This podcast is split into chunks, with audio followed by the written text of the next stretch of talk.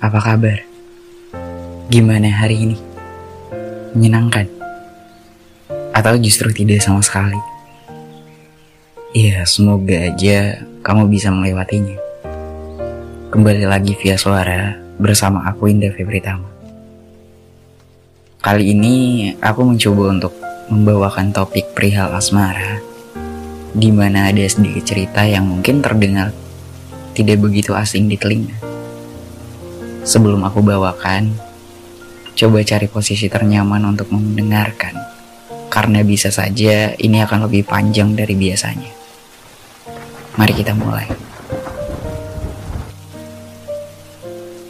Kita percaya bahwa cinta adalah anugerah yang ada untuk menunjukkan bentuk asli dari keindahan. Tapi ada beberapa orang yang menyangkal sebab selama perjalanan masa cintanya, hanya kekecewaanlah yang ia terima sebagai kado untuk hidupnya. Kemudian beberapa orang lainnya lagi merasa bahwa cinta memang adalah anugerah yang indah, sebab mereka telah merasakan dan membuktikan kebenarannya sendiri. Dua sisi yang terlihat yang barusan kusampaikan adalah pertama, orang yang ragu sebab belum merasakan apa itu cinta. Dan kedua adalah orang yang yakin dengan amat karena pernah merasakannya. Dan sekarang aku ingin menceritakan sisi seseorang yang percaya bahwa cinta itu adalah anugerah. Meski ia belum merasakannya dalam waktu yang lama. Dia belum bisa jadikan hal yang dia rasakan adalah benar-benar kebahagiaan dan keindahan dari cinta itu belum bisa dia jadikan alasan untuk benar-benar percaya. Karena di dalam pandangannya, cinta adalah sesuatu yang berubah-ubah. Kadangkala cinta mendatangkan indah, kadang juga malah petaka. Dan itu adalah benar karena keduanya bersinergi di dalam satu wadah bernama hubungan. Gak ada hubungan yang baik-baik aja dan gak ada hubungan yang buruk-buruk aja.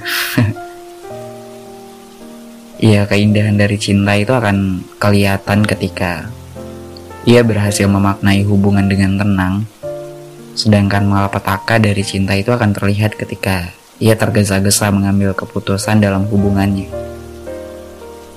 Setiap manusia memiliki cinta di dalam dirinya, dan kecintaan itulah yang harus dikendalikan agar rasa cinta itu tidak keterlaluan sehingga menyebabkan kekecewaan atau duka bagi kita dengan berlebihan juga.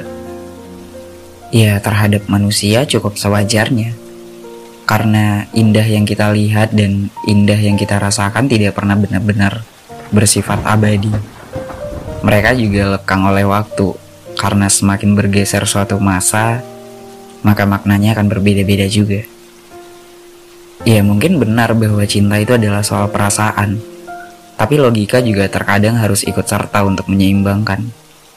Agar gimana ya? Agar cinta itu tidak salah penempatan. Ya agar cinta tidak bermuara pada tempat yang tidak seharusnya. Aku membahas topik ini bukan berarti aku paham dengan sangat seperti apa cinta itu bekerja tapi ketika di dalam diriku muncul perasaan semacam itu, aku juga pernah bersifat tidak rasional dan hanya mengikuti kata hati yang telah dirasuki perasaan cinta. Hingga membuat aku mudah sekali dibodohi dan tidak bisa mengendalikan diri. Aku hanyut dalam lamunan keindahan yang terlihat di kacamataku, yang ngebuat aku lupa bahwa kekecewaan itu hadir karena cinta yang aku bangga-banggakan itu. Mungkin beberapa orang sudah tidak asing lagi dengan masalah yang serupa. Merasa dunia tidak adil dan cinta hanya mendatangkan rasa sakit. Sebenarnya tidak juga. Cinta menurutku adalah keindahan. Hanya saja kita tidak boleh terlalu berbangga atas keindahan tersebut sampai-sampai kita dibutakan dan menutup mata bahwa selalu ada risiko dari hal yang kita senangi. Ya sederhananya begini ketika melihat lampu dalam ruangan yang terang dan kita merasa bahwa itu akan selamanya terang. Kita jadi lupa dan tidak mempersiapkan apa-apa karena kita pikir lampu itu akan terus bersinar.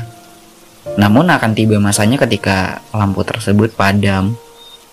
Kita bingung, kita takut akan gelap. Kita tidak menyiapkan alat bantu apa-apa untuk menerangi kegelapan itu. Entah itu senter atau yang lainnya. Bukankah itu karena kita sendiri yang salah? Karena terlalu angkuh sebelumnya bahwa cahaya ini akan terus bercahaya dan tidak akan padam. Tapi nyatanya padam juga dan kita tidak menyiapkan apa-apa untuk itu. Maka kebingunganlah kita menghadapinya. Jadi intinya ya rasakan senang secukupnya dan berduka juga secukupnya. Dulu aku merayakan patah hati dengan pesta air mata yang meriah. Aku larut dalam kekecewaan yang datang dan mengurung diri sendirian agar orang lain tidak tahu kalau aku sedang bersedih. Iya, aku larut dalam kesedihan itu. Sebab bahagia pernah aku gadang-gadangkan sebagai sesuatu yang tidak akan pernah hilang di hidupku. Maka sekarang aku baru mengerti bahwa tidak ada untungnya berlebihan pada suatu hal. Karena semua tidak akan bertahan abadi dan akan ada kejadian berbeda untuk setiap masa. Akan ada perubahan pada setiap waktu. Ya aku rasa begitu.